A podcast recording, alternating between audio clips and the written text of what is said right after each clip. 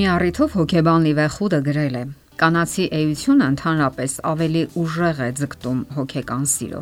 Կանանց մոտ սեռական հարաբերություններում մեծ դեր է խաղում մայրական բնազդը եւ մարմնավորված մայրական զգայունությունը։ Ամուսնություն նշանակում է տղամարդու եւ կնոջ տարբեր էությունների միավորում, ինչի արդյունքում կյանք է մտնում նոր էակը։ Դա նշանակում է հոգեկան, մտավոր եւ մարմնական էությունների միավորում Իսկ սեռական հարաբերությունն ընդհանրապես ամուսնության մենաշնորհն է։ Ինչքան էլ շատերը դեմ գնան դրան եւ ամեն տեսակի կեղծ ու հորինովի տեսություններ առաջադրեն։ Ամուսնության խորհուրդը ամբողջանում է այն ժամանակ, երբ զույգը ազատորեն վայելում է բոլոր խորհուրդների միասնությունը։ Թեպետ նկատվել է, որ շատ զույգեր խուսափում են կամ չեն կարողանում ազատ քննարկել այդ նյութը եւ երբեմն էլ չեն հասնում լիակատար ներդաշնակության։ Հավասարակշիռ մոտեցումն այն է, որ զույգը կարողանա ազատ քննարկել միանգամայն բնական այդ թեման, խուսափելու համար հետագա խնդիրներից։ Հակառակ դեպքում բազում խնդիրներ են առաջանում։ Իսկ դա այն թեման է, որ ազատորեն չքննարկելու դեպքում առաջանում են ոչ միայն թյուրըմբռնողություններ, այլ կողմերը սկսում են այլ տեղերում որոնել իրենց հարցերի եւ առաջացած հիմնախնդիրների լուծումները։ Ասենք որ շատ հիմնախնդիրներ առաջացել են խավար միջնադարի ավանդույթներից եւ իներցիայի ուժով ներխուժել ներկա դարաշրջան։ Դրանցից մեկն այն է, որ մարդկային մարմինը, քանի որ մեղսավոր բնույթ ունի, ֆիզիկական շփումները մեղք են եւ հարկավոր է տեղ չտալ դրանց։ Շատերը միջնադարում չէին ամուսանում, որpիսի հեռու մնան մարմնական ցանկություններից։ Հարցն այն է, որ մարդկային մարմինը գեղեցիկ է եւ արժանի է հիացմունքի, իսկ ամուսնական սիրո ֆիզիկական կողմը չպետք է շփոթության մատնի ոչ մեկին։ Ամուսնության մեջ կողմերը ազատ են իրենց գործողություններում, միայն եւ միայն ամուսնության մեջ։ Ամուսնական հարաբերությունների մեջ պետք է տեղ գտնեն սերը դրսևորող հաջողախոսությունները, ժեստերը,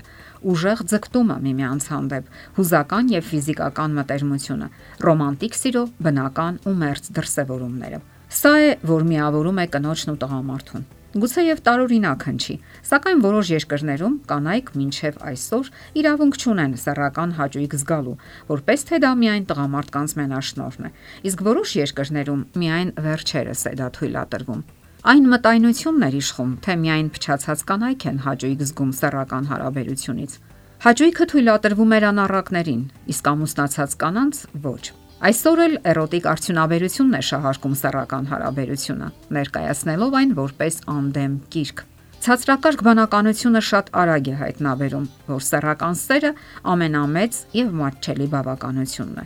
Դրա մեջ նա սկսում է որոնել թեթևացման, էժանագին զվարճությունների սեփական աղբյուրը։ Շատերի մոտ այն դարձել է երջանկության փոխարինիչ կամ կյանքի նպատակ, իր բազում մերձ կապերով։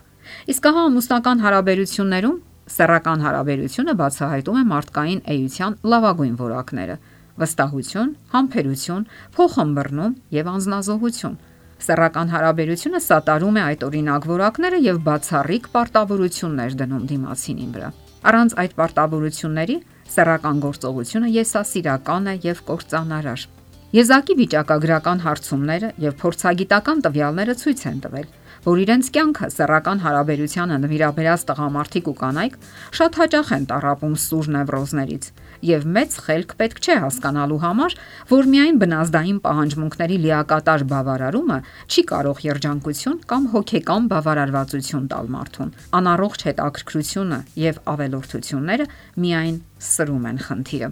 Պրինսթոնի համալսարանի պրոֆեսոր Ռոբերտ Ջորջը գրում է. Սեռական հարաբերությունը միայն բավականության համար չէ, եւ ոչ էլ փոխադարձ հույզեր գրգռելու եւ նոր զգացումներ որոնելու միջոց։ Դա նաեւ անդեմ գործողություն չէ, որտեղ անձը մարդկային մարմինը ցածրացվում է, դառնալով զուտ կողմնակի օկնող մի առարկա։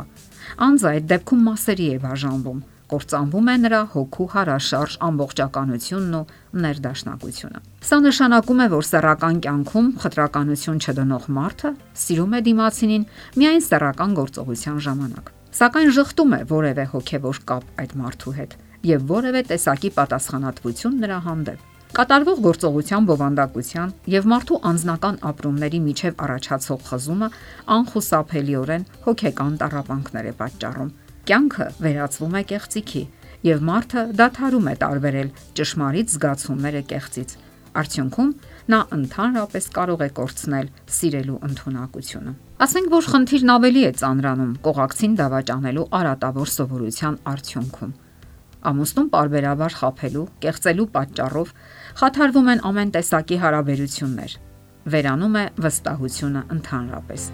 Իսկ բացահայտվելու դեպքում ոչ միայն սկանդալներ են հասունանում, այլ պարզապես ամուսնալուծություններ են տեղի ունենում։ Պատճառն անհայտ չէ՝